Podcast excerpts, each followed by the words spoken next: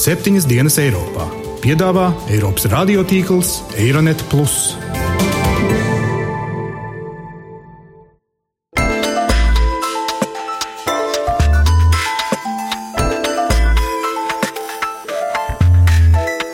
Šonadēļ septiņas dienas Eiropā dzirdēsim. Schēmas kļūst rafinētākas, Corruption erodes trust. nav neviena Eiropas valsts pilnīgi tīra, divi pamati Tobago aneksijai. beidzot ir pierādīta taisnība.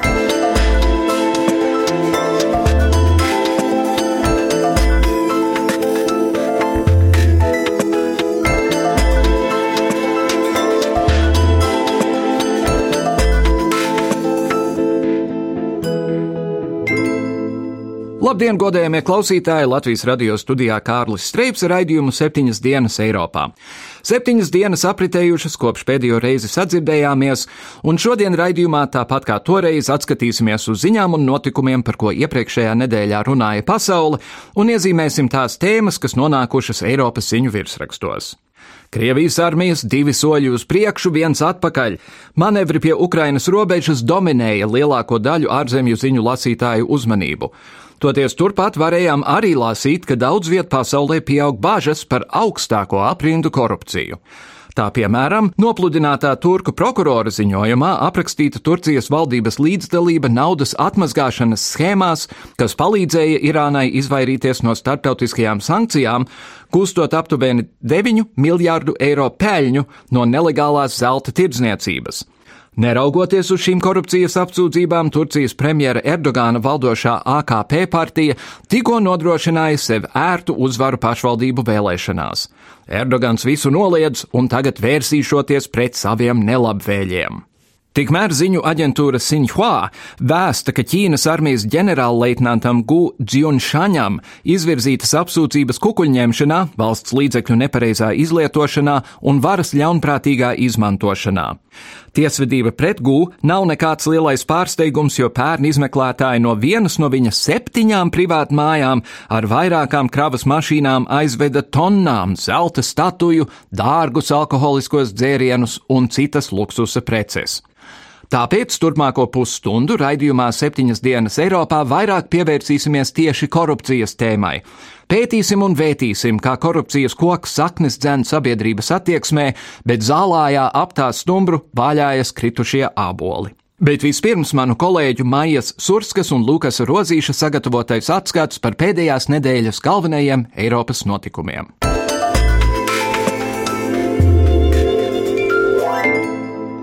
Liekot noprast, ka Maskava vēlas mazināt spriedzi ar rietumiem, Krievijas prezidents Vladimirs Putins telefonsarunā Vācijas kanclerē apliecināja, ka Krievija ir sākusi atvilkt karaspēku no Ukrainas austrumu robežas. Aicināts to komentēt, NATO ģenerālsekretārs Anders Foks Rasmussens sacīja, ka nevar šo informāciju apstiprināt un drīzāk atbalsta NATO spēku komandiera Eiropā pausto, ka Krievijas spēku apjoms Ukrainā pat labi ir tik liels, ka savu mērķi, valsts ieņemšanu, tā varētu īstenot 3 līdz 5 dienu laikā. Es pilnībā uzticos NATO spēku komandieru Eiropā paustajām bažām. Pie Ukrainas robežām pat labāk mēs redzam vērienīgu Krievijas militāro bruņošanos. Nekādas zīmes par mazināšanos. Un zinām, ka šie Krievijas militārie spēki ir ļoti augstā gatavībā.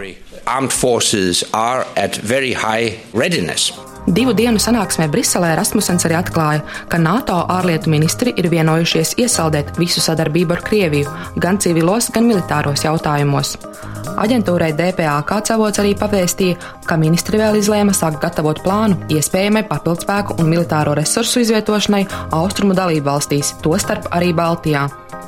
Trešdien par lielu pārsteigumu daudziem arī ASV Nacionālā aeronautikas un kosmosa administrācija apturēja visus tās sadarbības pasākumus ar Krieviju, izņemot sadarbību Startautiskajā kosmosa stacijā. Līdz šim aeronautika bija vienīgā joma, kas palika sankciju neskarta, jo Krievijas kosmosa kuģis Sajuz ir vienīgais transporta līdzeklis, kas ārvalstu kosmonautus nogādā Startautiskajā kosmosa stacijā. Atsevišķos jautājumos aizvadītajā nedēļā Krievijas un Rietumvalstu viedokļi par krīzi Ukrainā gan sāka tuvināties. Krievijas ārlietu ministrs Sergejs Lavrovs norādīja, ka Rietumvalstis sāk ieklausīties Krievijas priekšlikumā, ka Ukrainai ir jākļūst par federāciju. Tomēr Eiropas Savienības paplašināšanās komisārs Stefans Filovs svēra, ka pastāv liela atšķirība starp federalizāciju un decentralizāciju. Lielākai reģiona pašnoteikšanai viņa skatījumā būtu tikai pozitīva ietekme. Ķīnas prezidents Xīdzinpins Eiropas tūres laikā, viesojoties pie Vācijas kancleres Angelas Merkeles, dāvanā saņēma 1735. gadā Eiropiešu kartogrāfu zīmētu Ķīnas karti. Vēsturiskās kartes ir jūtīga tēma Ķīnā.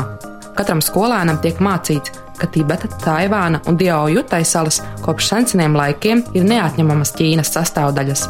Dāvinātajā kartē Ķīnas aprises neatbilda šim oficiālajam vēstures skatījumam.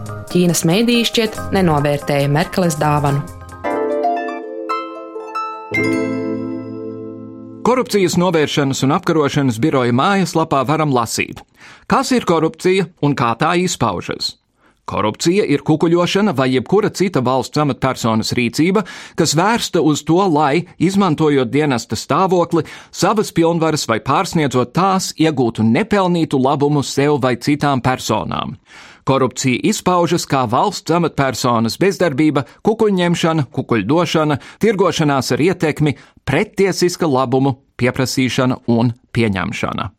Tikmēr Eirobarometra aptaujas liecina, ka eiropieši ir nopietni nobažījušies par korupciju.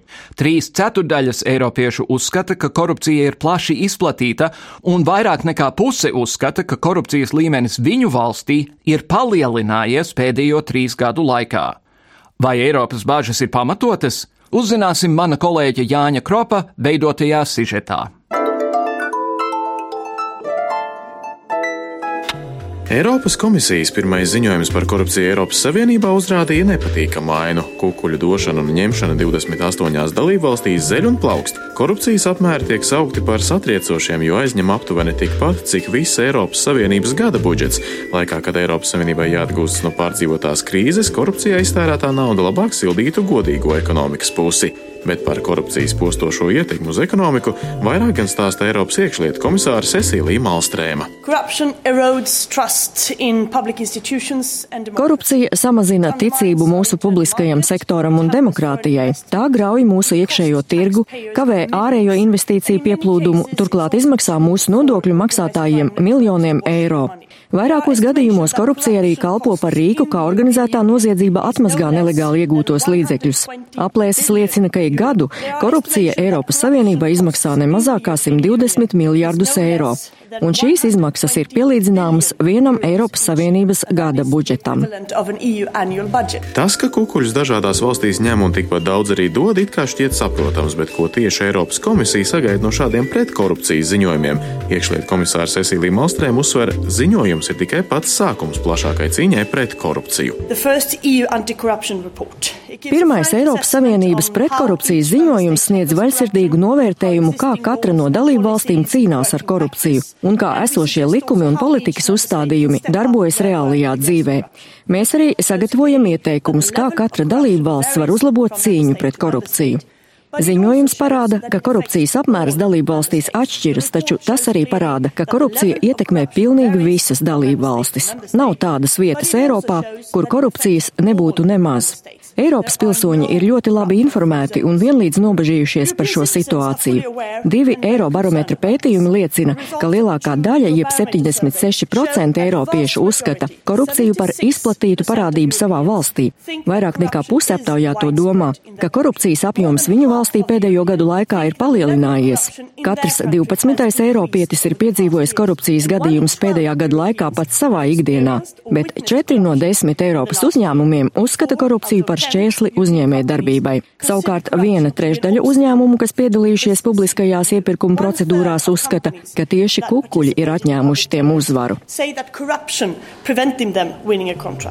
Korumpētāko valstu galvgalī Eiropā ir minamas tādas valstis kā Grieķija, Kipra, arī Centrāla Eiropas valstis, piemēram, Itālija, Slovākija, Čehija un arī kaimiņu valsts Lietuva bet krietni godīgāk ir iedzīvotāji Lielbritānijā, Zviedrijā, Somijā, Dānijā un Nīderlandē.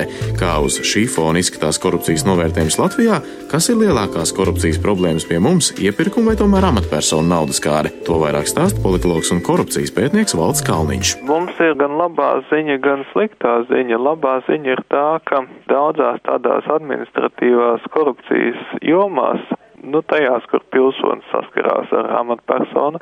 Tā situācija desmit gadu un pat ilgākā periodā ir pakāpeniski, bet stabili uzlabojusies. Pat ceļu policija, kas daudz acīs ir korupcijas simbols, kaut arī vēl aizvien tur šīs problēmas ir, bet tās problēmas var droši apgalvot ir būtiski mazākas nekā viņas bija pirms desmit gadiem tā joma, kur man liekas vēl aizvien ir pamats runāt par ļoti lieliem riskiem, kur lieli valsts saimnieciski darījumi, lieli iepirkumi, lieli saimnieciski projekti nonāk saskarsmē ar politisko partiju vai kādu negodīgu politiķu interesēm un tiek izmantoti vai nu lai finansētu politiskās partijas vai kā citādi radītu personisku labumu. Tās ir tādas riska jomas, ļoti nopietnas, ar kurām tomēr pilsonis tiešā saskarsmē parasti nenonāk. Nu, un tad vēl ir atsevišķas tādas veselības aprūpa konstanta visās aptaujās ir viena no sasāpējušām jomām korupcijas ziņā Latvijā. Komisāra Malstrēm uzsver, ka korupcija grauj iekšējo tirgu. Latvijas darba devēja konfederācijas ģenerāldirektora Līga Mendelsona savukārt stāsta par to, kā korupcija atsaucas uz uzņēmējiem. Mēs varam teikt, ka korupcija ir viens no tiem pieciem punktiem, kas traucē uzņēmē darbībai. Un, protams, ja pirmām kārtām vismaz aptaujas rāda, ka tā ir, piemēram, valdības valdības birokrātija, tas ir nodokļu sloks, pie finansējumam, nodokļu regulējums, tad korupcija ir arī kā traucējušais faktors, ko norāda arī aptaujas. Korupcija vai koruptīva vide neveicina godīgu uzņēmē darbību, līdz ar to tie, kuri rīkojas godīgi, viņi ir nevienlīdzīgākā situācijā. Eiropas komisijas ziņojumā arī minēts, ka viena no lielākajām riska zonām ir publiskie iepirkumi. Arī Latvijas darba devēja konfederācijā norāda, korupcijas apkarošanā vispirms būtu jātiek galā ar publisko iepirkumu jomas sakārtošanu. Vairāk gan stāsta Līga Meņģelsone. Pirmā pirmām kārtām jāraugās ir publiskā iepirkuma jomā un ir jāskatās, vai publiskā iepirkuma visas normas ir tādas, kas nerada šos riskus. Tur būtu tas uh, galvenais cēlonis, lai publiskais iepirkums būtu godīgs, maksimāli plaši pieejams un uh, būtu pieejams tiem uzņēmējiem, kuri ir nokārtojuši visas savas saistības gan ar valsti, gan ar piegādātājiem un saviem darbiniekiem, un tiem arī attiecīgi priekšrocības. Ja iepirkuma konkursi būs godīgi un atklāti, tad lielāks spēks tiks dots godīgajiem uzņēmējiem, kuriem jau tāpat ir grūti konkurēt ar tiem, kuri krāpjas. Līga Mendelsona arī piekrīt, ka korupcijas ietekme uz uzņēmējdarbības vidi tomēr ir krietni plašāka kā tikai kukuļa došana. Tas sākās tiešām gan ar piecīti, gan ar um, apmokšņu algu un uh, beidzās ar milzīgām uh, degvielas cisternām, kas iet cauri muitai. Tāpēc jautājums ir, cik daudz nodokļu naudas šādā veidā pirmkārt aiziet garām valstī, un savukārt uh, otrā problēma ir, ka tas uzņēmējs, kurš savukārt par to pašu cisternu nomaksā pilnos nodokļus, viņš ir nevienlīdzīgākā situācijā nekā tas, kurš ir ar koruptīvām metodēm veicinājis savu biznesu un nav nomaksājis visus nodokļus. Labā ziņa ir tā, ka Eiropas komisija nu ir nolēmusi ar korupciju cīnīties īpaši stingri. Sadarbībā ar dalību valstu parlamentiem un valdībām un arī Eiropas parlamentu tiks meklēti veidi, kā iegrožot kukuļošanas netikumu. Toties viena lieta, kas liek aizdomāties, ir kaut vai kontrabandas ietekmes novērtējums uz Latvijas ekonomiku ekonomiku. Tā vien rada zaudējumus vairāk nekā 100 miljonu eiro apmērā. Korupcija šo zaudējumu apmēru tikai palielinātu vēl vairāk.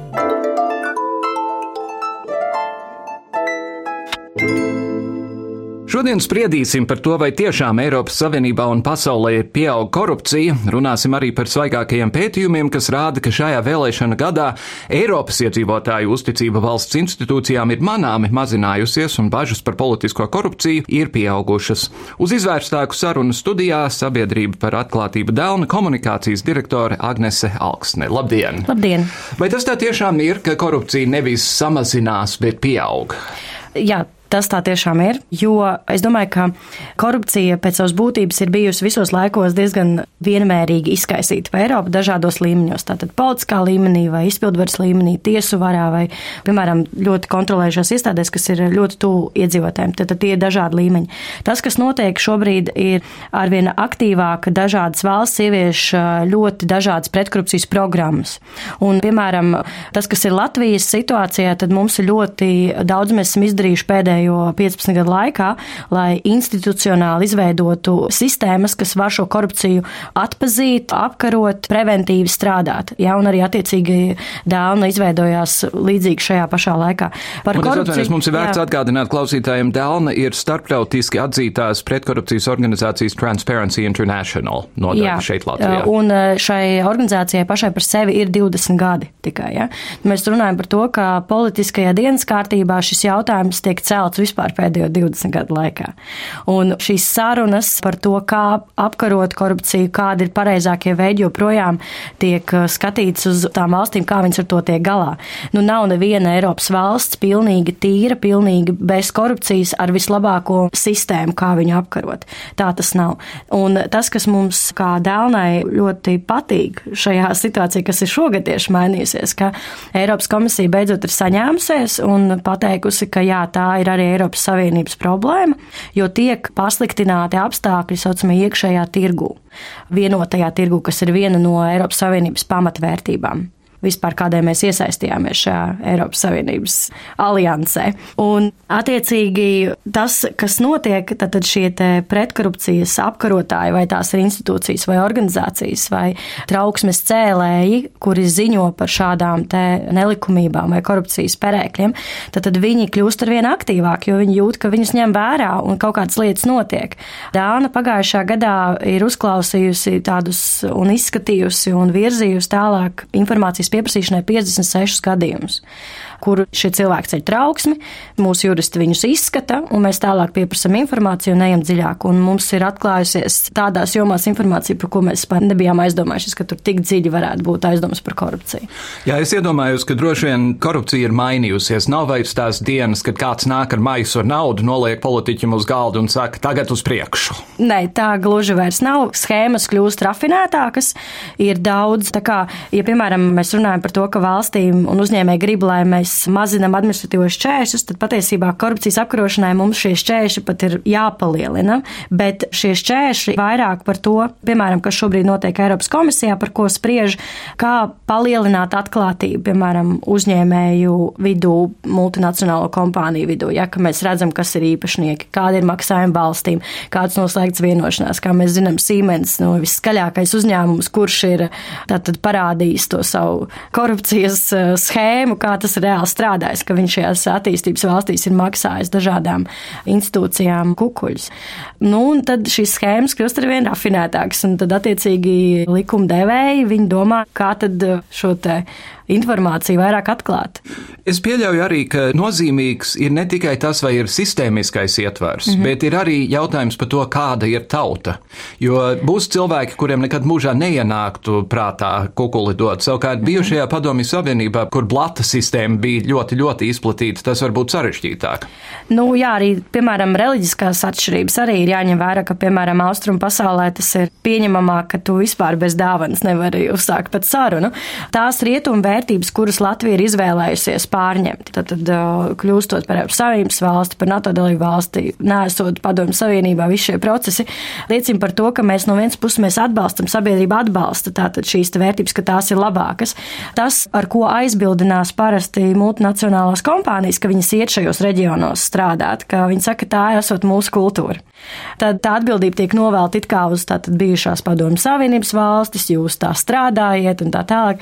Tā patiesība ir tāda, nu tad nedodiet tos kukuļus, nesiet tie, kas pārgriež šo darbību, viņu pavērš savādāk, saka, mēs gribam godprātīgi, lūdzu labāk iedziļināties savā, nezinu, publisko iepirkumu likumā, padariet to caurspīdīgāk, nu kaut kā tā, nu ka viņi varbūt tie patiesība, kas ar savu naudu izdara šo izvēli. Viņi pasaka nē.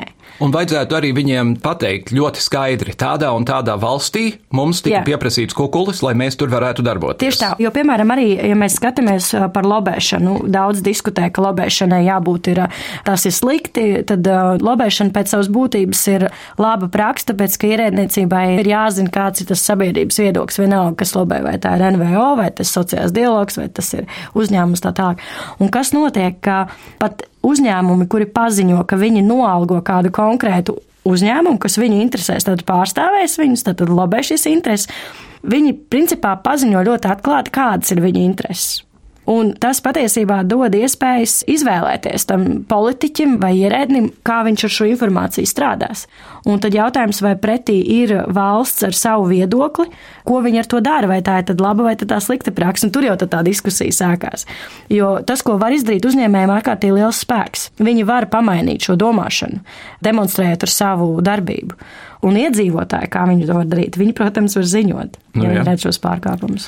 Vēl viena problēma, kuru es saskatu, bija tā dēvētais Daimler gadījums. Mm -hmm. Daimler pieķēra, Daimler samaksāja soda naudu starptautiski, un ar to arī beidzās visi procesi attiecīgajās valstīs, kur Daimlers bija darbojies, mm -hmm. un līdz ar to Latvijā nebūtu iespējams tiesāt Daimler cilvēkus par to, ka viņi ir devuši kukuļus mūsu amatpersonām. Šis tas, ir juridiski. Tas, tas, tas liekas briesmīgi, ja tad, samaksā jā. naudu un esi brīvs. Jā, arī Siemens gadījums bija tāds, ka, teiksim, tad, kad viņi bija viena no pirmajiem, kas teica, mēs esam ieviesuši šo saucamo atbilstības sistēmu. Un tad notika šī konkrētā situācijas atklāšana. Ja. Mm -hmm. Jautājums, vai uzņēmumi no tā mācās? Un tiešām pieņem to kā politiku, vai viņi turpina, nu, kā saka, dažreiz arī Latvijā ir tā, ka administratīvo sodu vai citus sodus gan iedzīvotājiem, uzņēmējiem ir samaksāt vieglāk nekā mainīt savus paradumus. Tad jautājums ir, vai tiešām šie sodi ir bijuši adekvāti, vai tas, ka tu esi sodīts vienā valstī, tev aizliedz darboties citā valstī, varbūt tas ir diskusija objekts.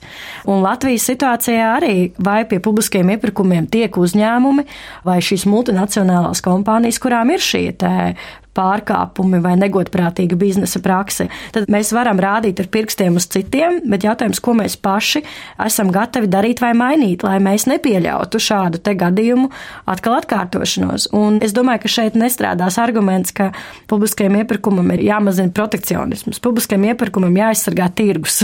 mm -hmm. Bet es saskatu, ja mēs runājam konkrēti par Latviju, manuprāt, ir divas problēmas. Pirmā no tām ir mūsu sistemiskajā ietverā. Mm -hmm. Ļoti nozīmīgs ir korupcijas novērtējums novēršanas un apkarošanas birojas, pa kuru pēdējā laikā viss, ko mēs dzirdam, ir iekšējie kašķi, iekšējie strīdi, tas cilvēks tiek padzīts, tas cilvēks mm. tiek pieņemts, un rodas iespējas, ka knābim nav laika vispār nodarboties ar korupcijas apkarošanu. Iespējas tā noteikti var rasties, bet jāņem vērā, ka šīs problēmas, kas ir iekšējas, viņas arī zināmā mērā izgaismo tās ārējās problēmas. Un tas, ko uztver arī Eiropas komisija, ka knāps ir vajadzīgs, knābam ir jābūt, jautājumi jāatrisina divi. Viens - iekšējā pārvaldība, lai tā būtu caurspīdīga un neatkarīga, un otrs ir arī paša knāba neatkarība no politiskiem lēmumiem. Un to var izsināt ar pārvaldības jautājumiem. Nu, savādāk mums, diemžēl, līdzekļi nav. Nu, protams, var apelēt pie ētikas un, un vispārējā, bet nu, sistēmas un likumi tomēr strādā vairāk gan uz iedzīvotājiem, gan uz politiķiem. Nu, piemēram, diskutējums jautājums, ko norāda arī ziņojumā, ir tas, vai tiešām ar vairāku balsu pārsvaru saimnes deputātiem jāapstiprina knāba vadītājs.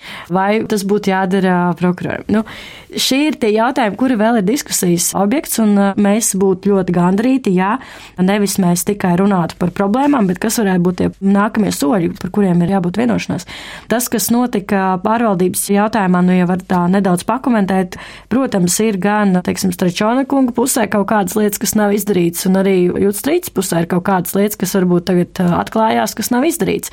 Jautājums sakal, nu, ko mēs ar to visu darām? Mēs varam turpināt mēdīju celt šo, vai arī sabiedrība nu, tā uztver to kā lielu nesmukumu, par ko arī Eiropa diemžēl runā, bet ja mēs nenāksim politiķi, piemēram, nepieņems konkrēts risinājums, tad mēs turpināsim mainīt vadītājus, pat nenostrādājot visu termiņu.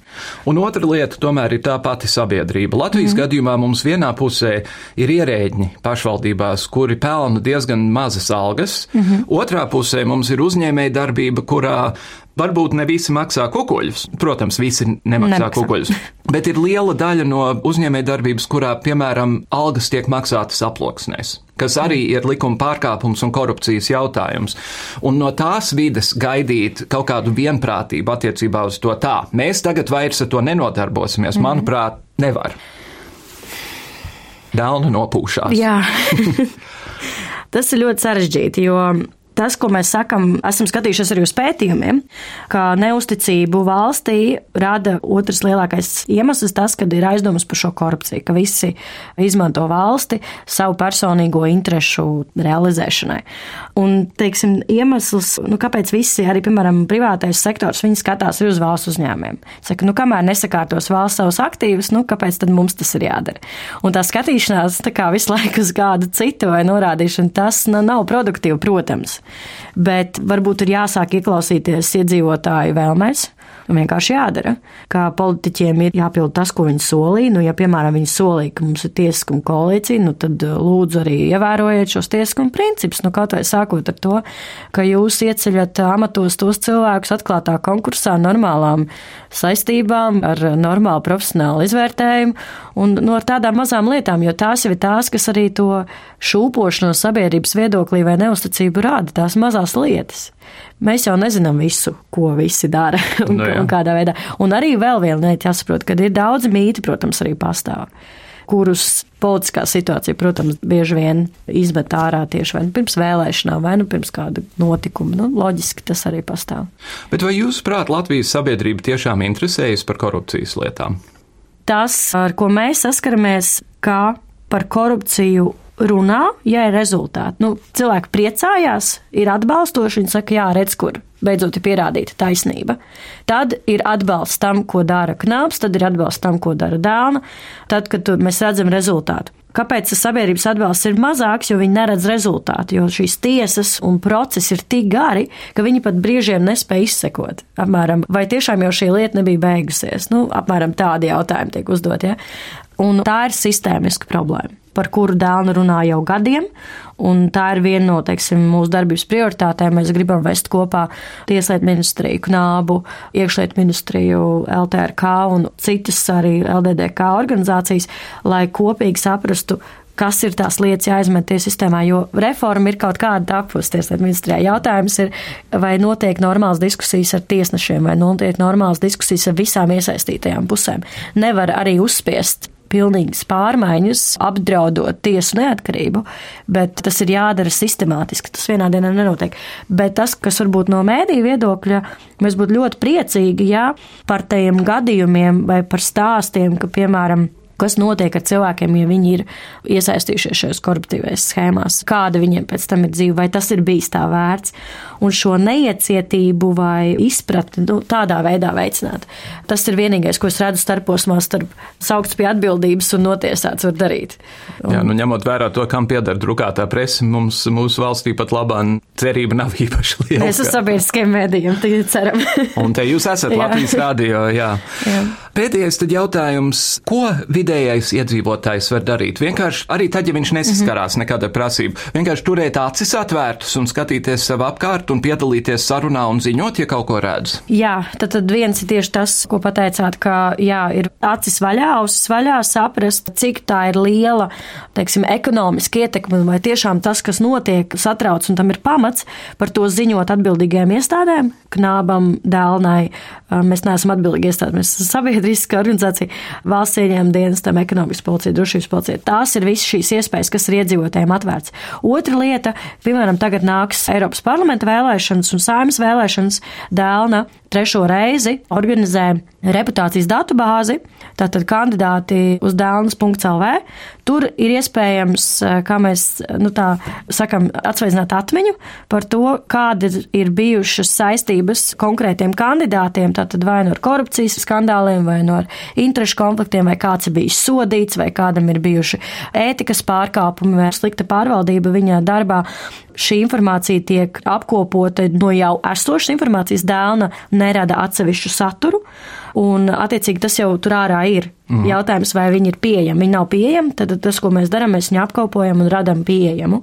Kandidāti uz dēlnas, viss viens vārds. Kandidāti, uz dēlnas.lv. Skaidrs.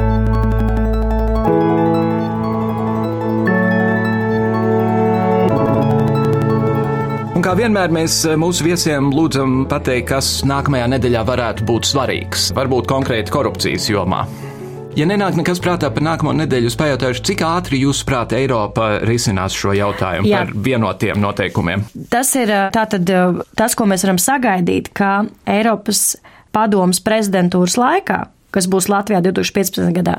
Jautājumi par korupciju, par publisko iepirkumu, par multinacionālo kompāniju ziņošanu, par patieso labumu guvēju īpašnieku atklāšanu būs pieejama, būs, teiksim, šajā dienas kārtībā, par ko spriedīs politiķi. Tātad tos, kurus mēs vēlēsim, Eiropas parlamenta deputāti, tie jaunie arī spriedīs Latvijas prezidentūrā. Tāpēc esam ļoti interesēti, lai sabiedrība iedziļinās, ko mēs ievēlam. Skaidrs. Agnese Alksne no Dāmas, sirsnīgs paldies jums par sarunu sarunu.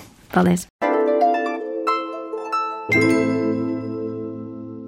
Raidījums septiņas dienas Eiropā bieži vien pasmīkņā, kad izdzird kādu apgalvojot, ka zināja taču, ka tā būs. Toties ar lielu cieņu uzklausām tos, kas izklāsta savu viedokli par to, kā viņiem šķiet, kāda būs nākotne. Tāpēc klausāmies uzmanīgi. Par notikumiem pasaulē un Latvijā telefons sarunā no Londonas rakstnieks Vilis Lācītis. No īsti prognozes kā tādas man nav. Es neesmu īpaši tāds politikai tūs cilvēks. Man drīzāk ir um, tādas pārdomas, kā, protams, kas izraisījis tagad ir Krimas aneksija. Un es domāju, ka tur ir daudz ko mācīties. Un, piemēram, Latvija tīri praktiski varētu no tā mācīties starptautisko politiku un starptautisko taktiku. Ja mēs virzītu imigrantu uz Tobago tā vietā, lai virzītu viņus uz īriju un Angliju, tad mums būtu divi pamati Tobago aneksijai. Mēs varētu pat teikt, pirmkārt, mums tur ir vēsturiskās tiesības sakarā ar uh, Kurzemes hercegistas koloniju, un otrām kārtām tur ir ļoti daudz latviešu runājošo. Mums varētu būt vajadzība aizstāvēt viņu intereses. Un, protams, ja mums būtu saules karība jūrā, tas varētu ļoti palīdzēt no turismu viedokļa.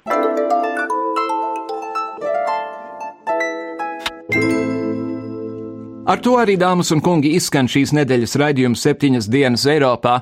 Nu, dienas svēti vārdi. Mēs visi esam atbildīgi par korupcijas līmeni mūsu valstī. Nedosim kukuļus, ja mēs redzam to notiekam, ziņosim attiecīgajām instancēm.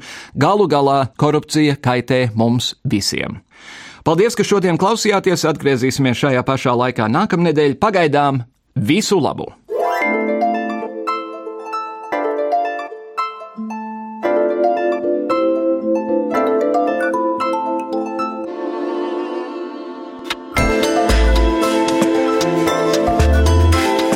Raidījumu veido Kārlis Streips, Gita Siliņa un Jānis Krops. Producents Lukas Rozītis.